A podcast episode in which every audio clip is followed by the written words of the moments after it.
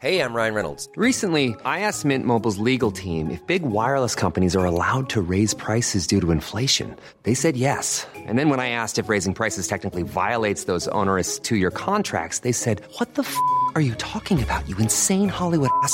F- So to recap, we're cutting the price of Mint Unlimited from $30 a month to just $15 a month. Give it a try at mintmobile.com slash switch. $45 upfront for three months plus taxes and fees. Promo rate for new customers for limited time. Unlimited more than 40 gigabytes per month. Slows. Full terms at mintmobile.com. Den där, den här bruden som du håller på med, eller nyss Prata inte för mycket nu. Det här är en podd. Kan vi klippa tillbaka? Ja, jag får klippa i början. Nöden har ingen lag. Välkommen till ett nytt avsnitt av podcasten Cyril och Stig. Cyril, det är jag, Cyril Hellman. Stig är författaren Stig Larsson. Podcasten produceras av Contro. Dagens gäst är författaren och kulturskribenten Therese Boman. Therese debuterade 2010 med boken Den drunknade som översattes till flera språk. Nu är hon aktuell med boken Aftonland som bland annat nominerades till Augustpriset. Välkommen till Therese Bomans huvuddag. Vi sitter på Kontros kontor i Gamla stan. Första gången du är här Stig. Ja, det är första gången och jag är väldigt besviken. Man får inte röka. Det finns ingen kaffemaskin. Vad är det för jävla ställe du har? Ja. Eh, Du, eh, grattis till å- nominering till Augustpriset. Tack så hemskt mycket. Eh, Stig har lite- en uppfattning att, att det, man, man kan väl beskriva det här som en kärleksroman, eller hur? Ja, det kan man väl. Ja. Man kan beskriva Årets det som lite allt möjligt. borde man kanske Dekadansroman tycker jag att man kan kalla Stig, du har åsikten att män skulle inte kunna klara av att skriva något så här. Nej, men alltså, det, är, det är på något sätt paradoxalt att det har kommit fram under de senaste fem, sex åren så pass många kvinnor som har skrivit eh, romaner om förhållanden som har varit intressanta på något sätt. För mig som man att läsa. Vilka tänker du på då? Lena Andersson? Ja, inte bara Lena Andersson. Jag tänker på Sofie Adolfsson. Jag tänker på eh, nu Lotta Olsson. Eh, det är fler.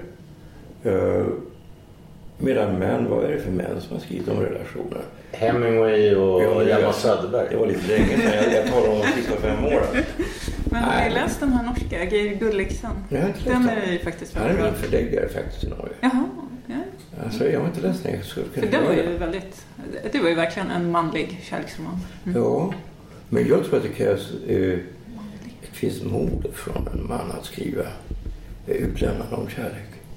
Men den var ju verkligen så. Ja. Den var ju sådär... Det är om man- ett äktenskap Ja, va? precis. Ja. precis. När han försöker förstå liksom varför, varför, han, varför hon lämnade honom.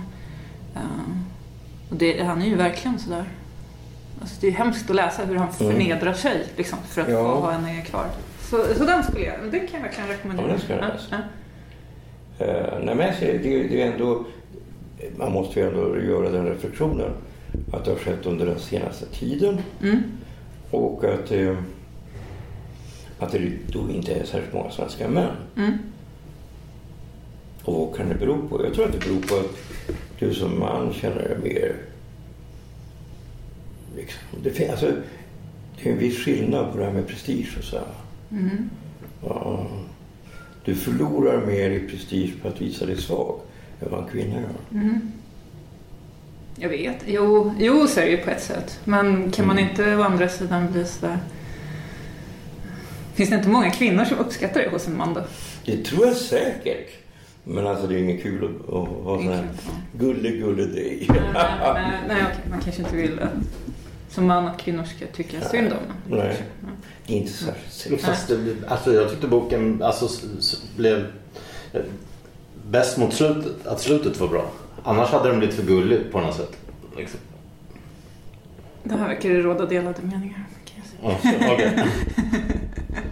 Nej, men alltså samtidigt, böcker har ju då just en social karaktär. Att det är beskrivningar av olika eh, samhällsskick kan man säga.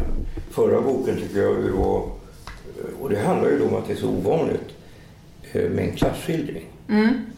Och där var ju på något konstigt sätt, jag har faktiskt skrivit om det för länge, länge sedan, på 90-talet, att det är på något sätt omöjligt att tänka sig kärleksskildringar eftersom vi lever i ett så meritokratiskt samhälle.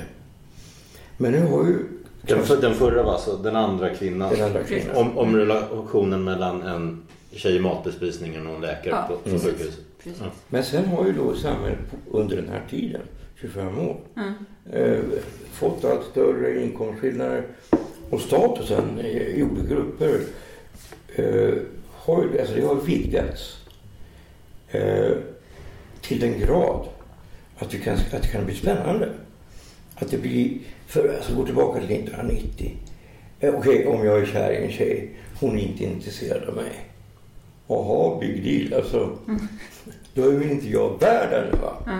Alltså, eh, den här sociala aspekten, den var 1990 nästan otänkbar. Idag är den inte det. Huvudpersonen är konstkritiker på Svenska Dagbladet. Ja. Tyckte jag var intressant. För det har jag själv varit på Svenska Dagbladet Jaha. också. Innan. Ja, fast jag fick kicken som. Varför då? Nej men alla de här, när Clemens tog in mig så, alla de här äh, äldre professorerna och sådana akademikerna som du skildrar just i den här boken. De, jag, jag är ju själv kulturkonservativ men de tror jag blev rädda att de tog in ett liksom, popsnöre. Så, så, att, så att jag var tvungen att jag tänkte recensera Tom of Finland föreslog det som förslag.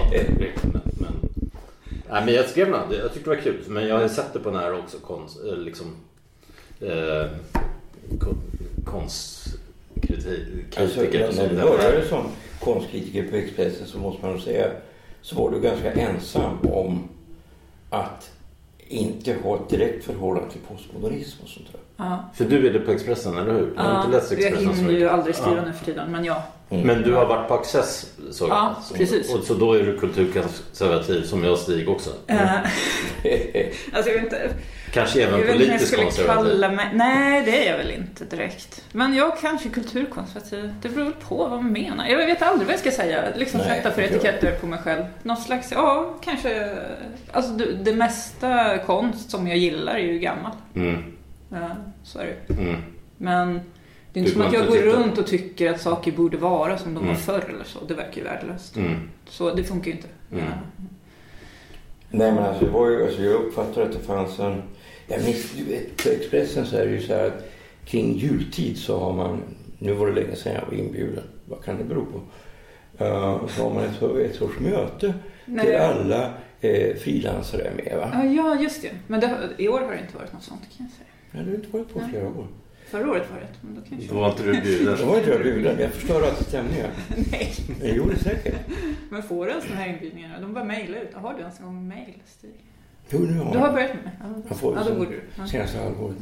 Nej, men då sa jag så här. Så var det då övriga frågor. Är det någon som har en övrig fråga? Säg att det var för någon gång 2002 eller något sånt. Mm. Och då sträckte jag upp handen. Och så sa jag så här. Jo, det har uppstått en väldigt obehaglig sak. Det är nämligen så här tidigare, om du går till 80-talet, så fanns det en, en ganska nära relation mellan olika konstnärer, eh, författare, skådespelare, eh, även solister och så. Det där har upphört idag. Eh, och det beror på att det har uppstått en, en skiljelinje. Vi som är författare, vi betraktar konstvärlden som korrupt och att det har kommit fram för många fakes. Och det är ni som är konstkritiker här som ligger bakom det. Och du ska sätta miner och ja. Och det här tänker jag nu undersöka i en serie artiklar. Ja. Eh, men det slutade med att jag inte kunde genomföra det.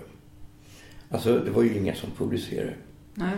Alltså Access publicerade två texter. Ja, just det. Men det var när jag var där. Ja. hade vi någon text. Just det. Och, eh, men sen när jag intervjuade folk.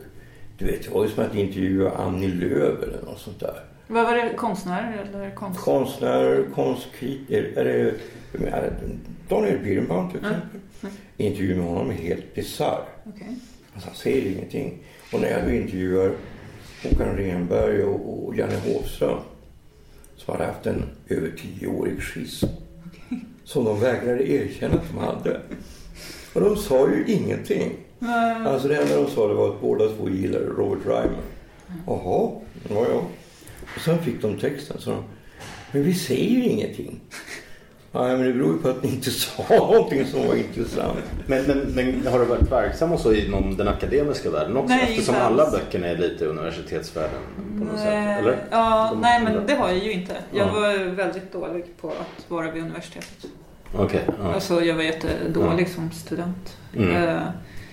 Började plugga direkt efter gymnasiet och visste, jag fattade ingenting av universitetet. Mm. Så jag flyttade till Stockholm, alltså jag bodde i Kolmården och så flyttade jag till Stockholm och skulle plugga på universitetet. Jag visste typ inte vad man gjorde på universitetet överhuvudtaget. Mm. Jag kände inte ens någon tror jag som hade pluggat på universitetet. Så jag, och så blev jag underkänd på min första tenta. För att jag trodde typ att man skulle lära sig fakta utan till sådär. Läste du konstvetenskap också? Nej, då började jag Ja, på kulturvetarprogrammet. Mm. Eh, för att jag inte ens fattade att man kunde läsa en, en kurs. Utan Mm. jag trodde att man var tvungen att läsa ett program. Typ. Annars borde jag ha läst konstvetenskap. Eh, och det där var ju helt obegripligt. Första terminen på kulturvetarprogrammet. Det var ju bara sån här vetenskapsteori. Alltså såna där saker. Jag fattade ingenting. typ, eh, Så du kommer inte från akademisk familj? Eller Nej, så, det gör jag verkligen inte. Nej. Eh, Min mamma har varit ekonomiassistent på ett företag i Norrköping och min pappa eh, sån här, inte lantmätare men sån där åt kommunen mätningsingenjör heter det. Mm. Han är gymnasieingenjör så att han ute och mäter tomtgränser och sånt. Mm. Eh, Så någon slags, jag vet inte, eh, kanske högre arbetarklass. Mm. Jag är liksom uppväxt i villa och sådär. Mm. Men i Kolmården, där, Mm. en villa som min pappa byggde. Ja, jag tror att vi har liksom rent socialt sett ungefär samma bakgrund. Lyckad arbetarklass. Ja, Och ganska stabilt hem. Ja, precis. Liksom, jag kommer ju från en liksom ordnad och trygg bakgrund. Liksom ordning och reda. Mm. Nej, men jag tror också att det är därför som jag och du var de enda i den här undersökningen om synen på kungahuset som var royalister. Jaha, vad var det här för Ja, undersökning? det var ju jätteroligt. Eh, Det var, ja, det var ju Expressen tror jag. Ja, jag Och alla var ju republikaner. Ja, du var de enda royalisterna. Ja. Eh, och de, alla, alltså du vet, folk omkring mig, de blir ju tokiga. Hur fan kan det vara? Jo, så jag, det är så här. Ni kanske aldrig har funderat över varför det är så att vanligt folk är, är royalister. Medan däremot alla intellektuella och såna här eh, medelklass och överklass, de är, är republikaner. Och det beror på att historiskt sett så har kungen haft sitt stöd hos folket, Ja, inte exakt. hos adeln. Det här hade jag aldrig tänkt på. Det här skrev Lena Ja. Andersson i DN i lördags. Läste du det? Angående Nej. Trump, att han sådär har... Att Ja, han men en jag, jag har snackat med henne om det. Av folket. Hon har Ja, fått det från mig. ja, ja. ja. Och, eh, och alltså, Sverige skiljer sig från Danmark där. För där har, i Danmark så har kungen haft historiskt sett nära relation med adeln. Och adeln är mycket starkare i Danmark. Okej. Men hur gjorde du research? Om, ska om vi ska återgå till boken. Din, för din bok handlar om en tjej som är doktorand Ah. i konstvetenskap. Hon, nej, alltså huvudpersonen är Ja, huvudpersonen. Och man kan se, det är inte många kvinnor med i boken utan det, hon förhåll, det är massor med olika män Ja, som hon förhåller sig till på olika sätt. Men- Där bara den här kollegan, jämnåriga kollegan på institutionen är Mm. vettig kan man Ja, säga. precis. Ja, den är, den är älskaren som hon har som är så här helt annorlunda. Som en sån här sverigedemokrat och luktar sött. Ja. Han hade ju ingen negativ bild heller av honom. Nej, alltså hon är ju kär i honom Ja. på riktigt. Nej, men jag tycker att det här med universitetsmiljön. Alltså som social beskrivning, det är ju ganska sällsynt att man beskriver om den. Mm. Och jag har ju, precis som du, en väldigt negativ syn på, alltså framförallt humaniora. Mm. Det med naturvetenskap kan inte jag uttala mig om, för jag vet inte. Men jag gick ju då på universitetet och jag blev chockad. Alltså av den låga nivån. Ja, okej. Jag var ju då väldigt ung, jag var 21 år. Och efter den första lektionen, eller vad heter det, föreläsningen. Då skällde jag ut läraren. Och sa, det här är faktiskt lägre nivå i gymnasiet. Eh, jag, jag kräver en högre nivå. Eh, vad är det för dumheter? Men vad var det för ämne? Det var frågan, är Taxi Driver en politisk film eller inte? Ja, men han kommer, kommer hjälp mig. Ja, i alla fall så, följde, det här var ju demokratiskt på den tiden, så eh, studenterna kunde föreslå egna litteraturlistor. Jag ansåg att deras massmedia, sociologi, eh, litteraturförteckning var helt förlegad. Och de hade ju inte studerat den tyska och franska forskningen. Och danska. Så jag föreslog en helt ny eh, litteraturlista. Och så röstades det och jag vann över dem. Så jag fick en lärartjänst, väldigt högt betald. Ja. Och då trodde de dumma jävlarna att de hade köpt, kunnat köpa mig. Och det ska man aldrig tro. För då gjorde jag en vetenskapsteoretisk studie av de forskningsmodeller som användes på institutionen. Och så underkände jag allihop. Och den biuppsatsen använde de sex lektionstimmar och på slutet tre lärare för att underkänna. Och då hade jag redan kommit in på DI. Och på den tiden var jag ju jävligt otrevligt lagd. Och ganska dryg och sådär. Så jag sa, va? Alltså jag är ju den bästa eleven jag haft ever never. Och så försöker ni få bort mig för ni tror att jag kan vara en konkurrent. Tror ni jag vill ha era jävla jobb? Jag har kommit in på DI. Glöm det. Jag skiter väl i det här. Nej, jag var inte trevlig.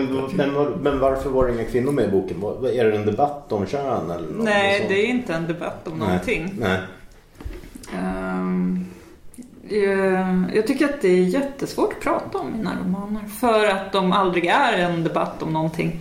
Sen känns det alltid efteråt som när man ska prata om sin roman så måste man liksom uppfinna ett syfte. För att jag skriver så himla liksom intuitivt och i någon slags Stora delar är bara någon slags eh, flow som är typ det bästa jag vet i hela världen. För det är så himla kul.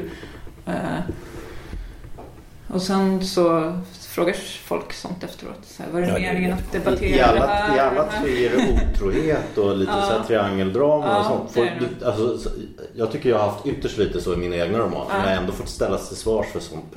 Liksom, hurdan är du som person egentligen?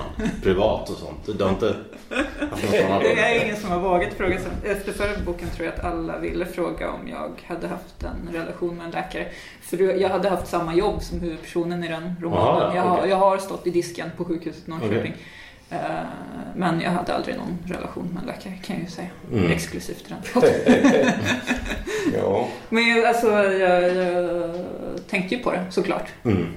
Alltså, de kom och käkade och var stiliga. Mm. Eh,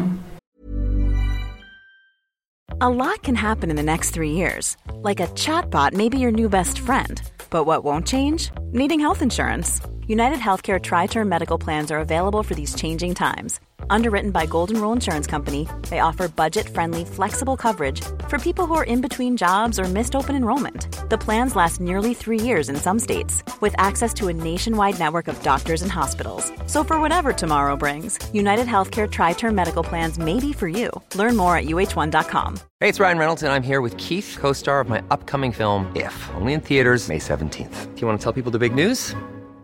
All right, I'll do it. Sign up now and you'll get unlimited for $15 a month in six months of Paramount Plus Essential Plan on us. Mintmobile.com slash switch. Upfront payment of $45 equivalent to $15 per month. Unlimited over 40 gigabytes per month. Face lower speeds. Videos at 480p. Active Mint customers by 531.24 get six months of Paramount Plus Essential Plan. Auto renews after six months. Offer ends May 31st, 2024. Separate Paramount Plus registration required. Terms and conditions apply if rated PG.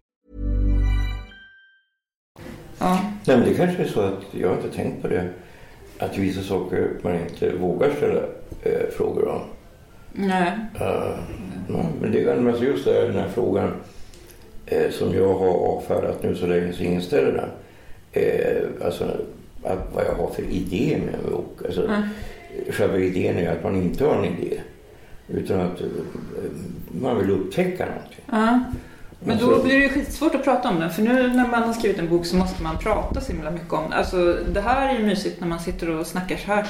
Men jag, så ska man ut och, typ på bibliotek eller så här, och sitta själv i en timme och prata om sin bok. Det är ju hopplöst. Jag tycker det är jättesvårt. Och då är det så här. Eh, om man då inte har skrivit en bok som typ har ett, alltså vill diskutera någonting eller handlar om något specifikt ämne eller så, utan är lite mer, jag tycker själv att mina böcker är lite mer som konstverk. Tydligt Linderborg syfte. skrev att det handlar om ensamhet. Det kan jag hålla med om. Det kan, det kan man ju säga Ja. att gör kanske.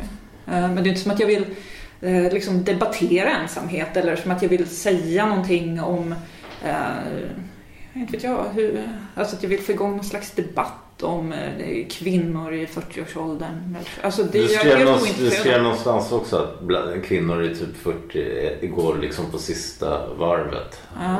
Er, Det ja, står att- i romanen. Ja. Ja, men är, är det så att, att Alltså är det, så, är det så man känner sig när, för kvinnor till exempel? Eh, jag vet inte, alltså... Att det är en kvinna som är desperat eller någonting på att träffa någon för att bilda familj och barn. Ehm, ja men så är det ju. Alltså Ja. det är ju liksom ett biologiskt faktum. Ja, Eh, om man vill ha barn så, Ja. så har man ju en utmätt tid på sig. Eh, men det är ju inte som att jag vill ha en debatt om det. Nej. Alltså, det är en förutsättning för roman. Mm. Ja, men jag tror att det, problemet ser ut så här. Journalister har är helt enkelt begränsade av den här idén att det ska handla om en debatt. För att kunna själv skriva Mm, någonting. jag vet, men jag tycker det är så mycket som handlar om det. Alltså, Ja. typ, eh, hur att man får, hela tiden får eh, pressa in konst i, i, liksom, i en debatt eller en ideologi. Alltså, Alltså vet, det var ju ännu värre på 70-talet. ja, det kan jag tänka mig. Det där är jag glad att jag slapp. eh, måste ju faktiskt, jag är ju rätt skrytsam av mig, men jag måste ta åt mig äran av att jag lyckades efter medveten kamp. Mm. Jag skrev, framförallt skrev jag en lång text i Chaplin om det här med budskap. Eh, hur idiotiskt det var. Mm. Och till slut så, efter fem års kamp ungefär, så eh, la de ner alltså. Sen nu har det kommit tillbaka med storm. Eh, och det har ju att göra med det politiska klimatet. Va? Eh, och nu är det nog ännu svårare att, att göra någonting åt det. Därför att då, 1979 ungefär, så var det ju så att vänstern höll på att ebba ut. Efter, du får tänka att 75 så, så vann Vietnam eh, över USA. Vietnamkriget tog slut. Nu håller du på med mansplaining. Nu håller jag på med mansplaining. Som de i boken. Martin Ja. Ju berätta någonting som jag inte vet. Ja, Vad det är, det faktiskt, det är faktiskt inte så jävla dumt att göra det. Inte negativt. Men det som hände då det var att vänstern i Sverige mm. tappade luft. Vad fan ska vi nu göra?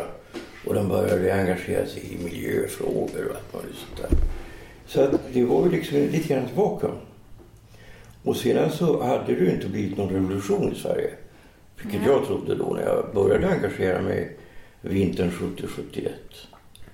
Eh, Jag gick ur i mars 73 och sa då att nej, jag tror inte det blir någon revolution så därför går jag ur. Det var inte av politiska skäl. Eh, och, eh, för jag hade, tänkt, jag hade tänkt att det skulle bli revolution. Ville du att det skulle bli Ja, ja, ja, annars skulle jag inte vara med. Alltså, jag tänkte det var hemskt men jag fattade ju att jag inte skulle kunna överleva i Sverige. Så jag hade tänkt fly till Finland. och jag sa det öppet också. Nej, men jag tar första bästa Vasabåt och får lära mig finska tyvärr. Men man är ju så idealistisk när man är så ung. Det är ju det. Ja. Men när slutade du vara så vänster?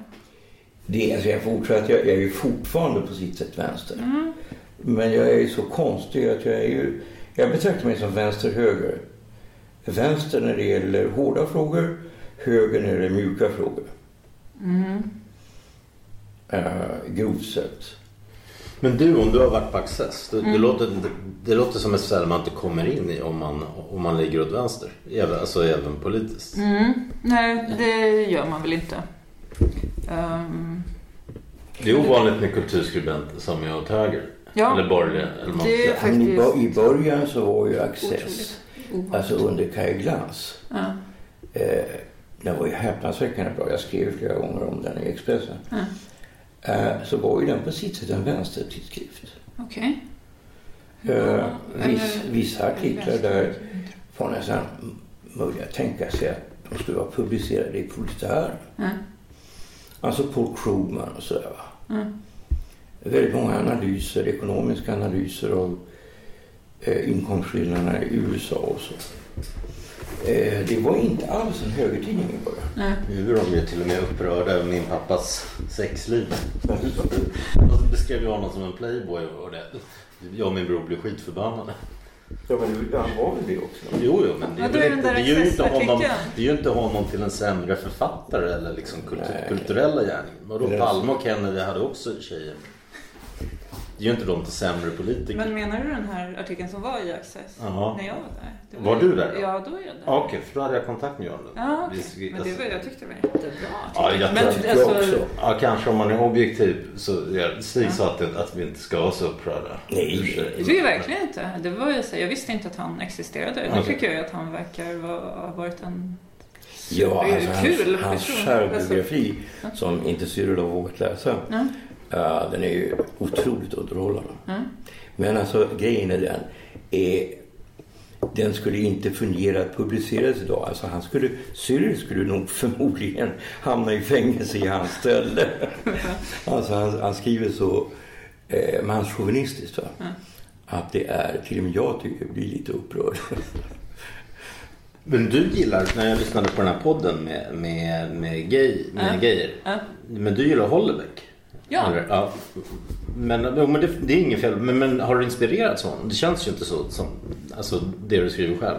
Som. Eh, jag tycker att man kan se det i den här romanen. Okej, hur då? Men, eh, inte minst för att det typ handlar om en professor med ett eh, humanistiskt ämne som Mhm. hans senaste roman också gör, vilket Ja, är väldigt sur. Mm. Det var faktiskt ett sammanträffande. Men alltså, jag tycker att vi har, jag gillar honom för att vi har lite samma sådär, mm, ja, jag vet inte. Men vi skriver om samma slags personer tycker jag. Mm. Lite sådär ensamma, vilsna. mm, Så jag lite att grå personer. Alltså. c- cyniska romantiker. Ja, men alltså, det som karaktäriserar, jag har ju läst hela hans produktion, det är ju att de här personerna är ganska färglösa Mm. egentligen. Och att man därför kan liksom lägga in lite grann vad som helst i dem. Mm. Och jag har aldrig tänkt på det, men det finns ju någonting i, i din, dina böcker också.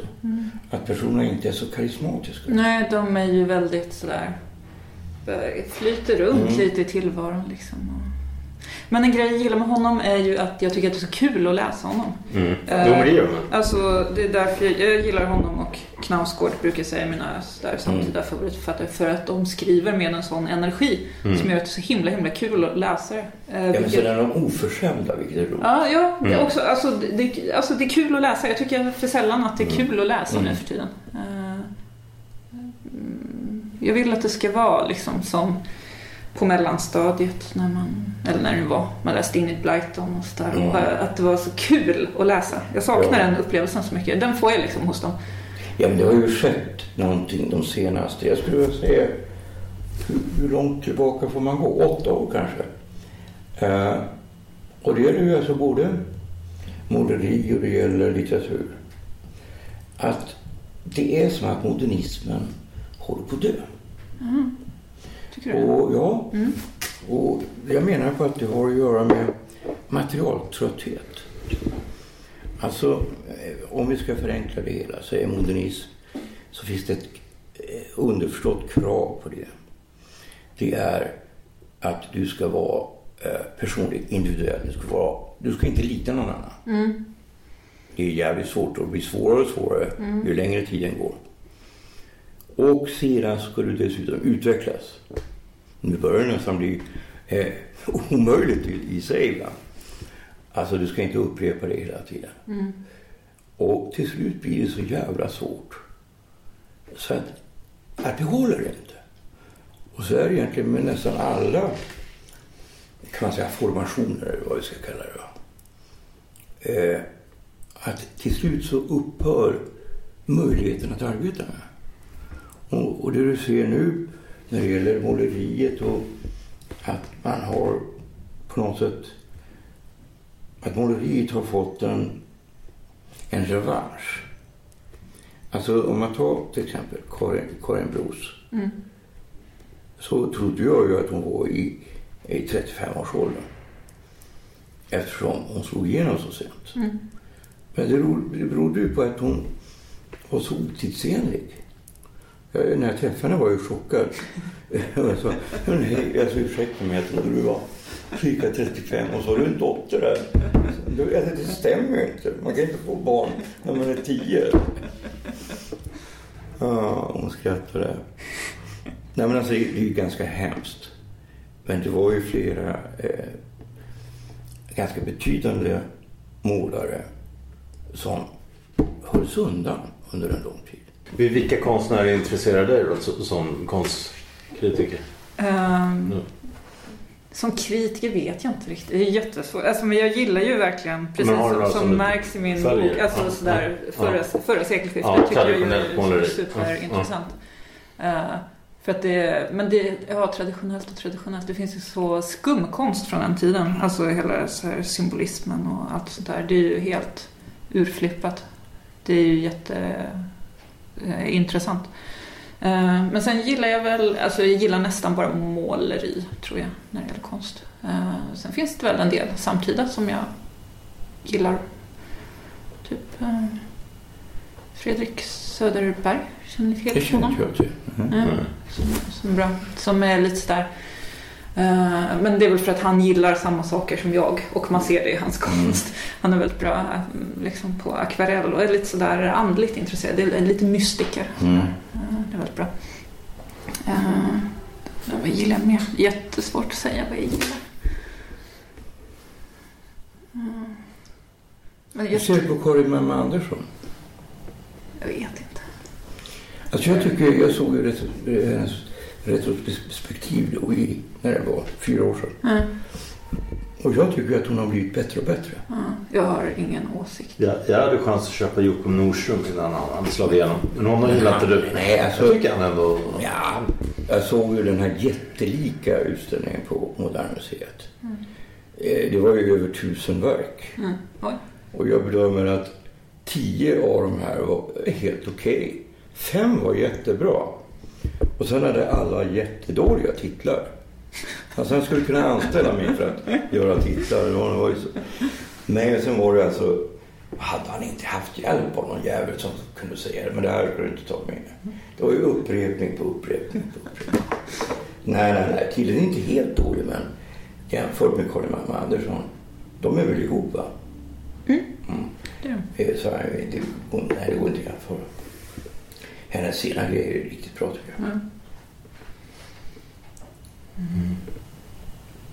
Ja, men jag, jag vet inte. Jag var eh, i Rom för några veckor sedan för första gången i mitt liv och kollade på konst.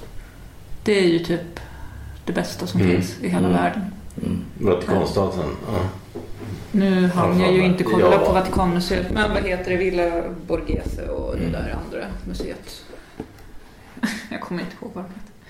Men alltså, det är ju så kul. Mm. Alltså, det är typ det roligaste som finns. Jag var i Madrid igår. Det var samma sak där. Ja. Prada. Jag gick på Prada en hel Jag dag. har inte varit där. Nej, men alltså deras samling av Velázquez. Ja, Velasquez, Goya har de också. Men kanske framförallt Velázquez. För alltså, han gör sig så dåligt i reproduktion. Ja. Alltså du, när, du, när du kommer nära honom va? Och ser hans texturbehandling. Oj, oj, han, hans behandling av kläder. Jag tycker de är roliga också, de här små hovnarrarna. De här små elaka barnen. Nej, men sen är det ju också så en, en rolig detalj. Eh, Jag har ju köpt, då, köpt upp mig på Skira-utgåvorna. Uh, är det? Skira, det är, Albert Skira var en väldigt rik schweizare Mm. som på 50-talet bestämde sig för att göra konstutgåvor, konstböcker, Mm. som aldrig kunde överträffas. Eh, och, han gjorde det. Mm. Alltså, han använde sig av schweiziskt hantverk. Och böckerna, om de skulle göras idag, skulle varje bok kosta ungefär 300 000 att köpa. Men det kostar bara inte lika dyrt då. Nej. Och man kan få tag på det på aningslösa antikvariat. Vilket jag gjorde. För 300 spänn styck ungefär. Eh, Men det är fantastiskt. Alltså, du ser reproduktionerna. Alltså, det är en helt annan kvalitet än normalt. De arbetar i år med varje uh, målning. Det, är ut, det är framförallt Skira utgåvorna mellan 52 och 56. Men är det som att det är en volym om en konstnär eller Nej, det en volym, konsthistoriskt? en volym om, om renässansen, en okej. volym. Ja. Och sen 1700-talet. Eh, det är någon som skriver om det där också. För jag intresserade mig lite grann, för jag fattade inte varför jag gillade... Alltså jag började intressera mig för konst, jag gick i åttan. Då, då hårdpluggade jag konsthistoria. Mm. Så, och jag tyckte ganska illa om rokoko, Ja. 1700-tal. Men så fastnade jag vid, vid, vid Boucher. Så jag, vad fan gör jag det för? Jo, det var första gången det var en snygg brud. Va? Och så började jag fundera, jag har skrivit om det här. Men så var det ett, parti där, alltså Boucher, eh, han hade en elev, eh, Honoré de Fragonard. Och då skulle Fragonard till Italien. Och då sa Boucher till honom, nu Honoré så kommer du att se mycket bra konst. Men jag ska ge dig ett gott råd. Du ska inte koncentrera dig på de stora mästarna. Alltså undvik Leonardo, Michelangelo, Correggio. Alltså det var inte så särskilt många som hade insett storheten hos Correggio. då. Inte på 1700-talet. Nej, nej, kom, ta de mindre mästarna. Tintoretto och sådär va. Kunde ha något där. För annars, annars blir du paralyserad. Och vad gjorde han? Jo, eh, Fragonard fortsatte den här linjen från Watteau eh, och Boucher- och har gjort de kanske absolut mest sensuella målningar som har gjorts. Det är framförallt en målning eh, som heter Sovande nymf som jag nu håller för att vara mest sluta skratta. Alltså, det är nog den mest sexiga gjort. Ursäkta mig. Sovande nu. Jag måste checka upp. Men jag tänkte, alltså jag tycker att det finns så lite att imponeras av i samtiden. Jag tror att det, jag tror jag har för hö, höga krav på, på hur, hur, bra, hur, hur bra konst som jag ska tycka är bra måste sen, vara. sen är det väl lite som jag och Stig har pratat om förut. Men jag kommer inte ihåg vilken gäst det var. Men om man ser på romaner och popmusik och så. så är Mm. liksom, de bästa låtarna och romanerna har ju redan gjorts egentligen. Mm. Ja. Liksom, det, det är svårt att komma på något nytt. Sen kommer nya som Hollebeck och sådär. För, Mm. Han heter för Hollebeck är ju rolig för att han är Han så heter inte Hollebeck, han heter Houellebecq. Okej. Men eh, jag vill liksom, jag, jag längtar efter att det ska komma något nytt. Alltså jag vill att det ska finnas någon så här energi liksom i kulturen. Jag, det Mm. känns som att jag alltid letar efter det i konst och i litteratur. Ja, men jag Så tycker att du har, energi. utanför Sverige så har det kommit fram. Eh, och då, då handlar det om att man har struntat i att 1900-talet har existerat. Man har gått rakt ner till 1800-talet egentligen. Eh, och börjat arbeta med stora linjer och episka förlopp. Stora, alltså kryllar av personer. Alltså du kan ta Monica Fagerholm, du kan ta Tore Renberg. Eh, alltså lite grann av, av det tror jag man kommer att se. Eh, jag var ju så skeptisk emot, det var ju Horace som mer eller mindre tvingade mig att läsa Monica Fagerholm. För jag tänkte hon har, om hon har vunnit det där Augustpriset, jag är ju rätt fördomsfull, så kan det väl ändå inte vara bra. så han sa, nej men fan det är bra. Och jag tycker ju den här, den amerikanska flickan och, och glitterscenen är jävligt bra. Alltså. Jag har inte läst någon av Nej, det dem. måste vi göra, det är Jag läste skitbra. några av hennes tidiga. Nej, men hon blir bättre och bättre. Alltså. Hennes senare grejer är inte så bra. Men just de två. Skitbra. Okej, ska vi sluta där? Mm, jag tror vi kör. 40 minuter. Ni har lyssnat på podcasten Cyril och Stig producerad av Contro. Vi hoppas ni gillar det ni har hört och går in på acast.com och prenumererar och delar på Facebook och Twitter till era vänner. Det är inte gratis att göra bra podcast och vi är beroende av bidrag och uppskattar varje sådant. Swisha till 123 069 1147 123 069 1147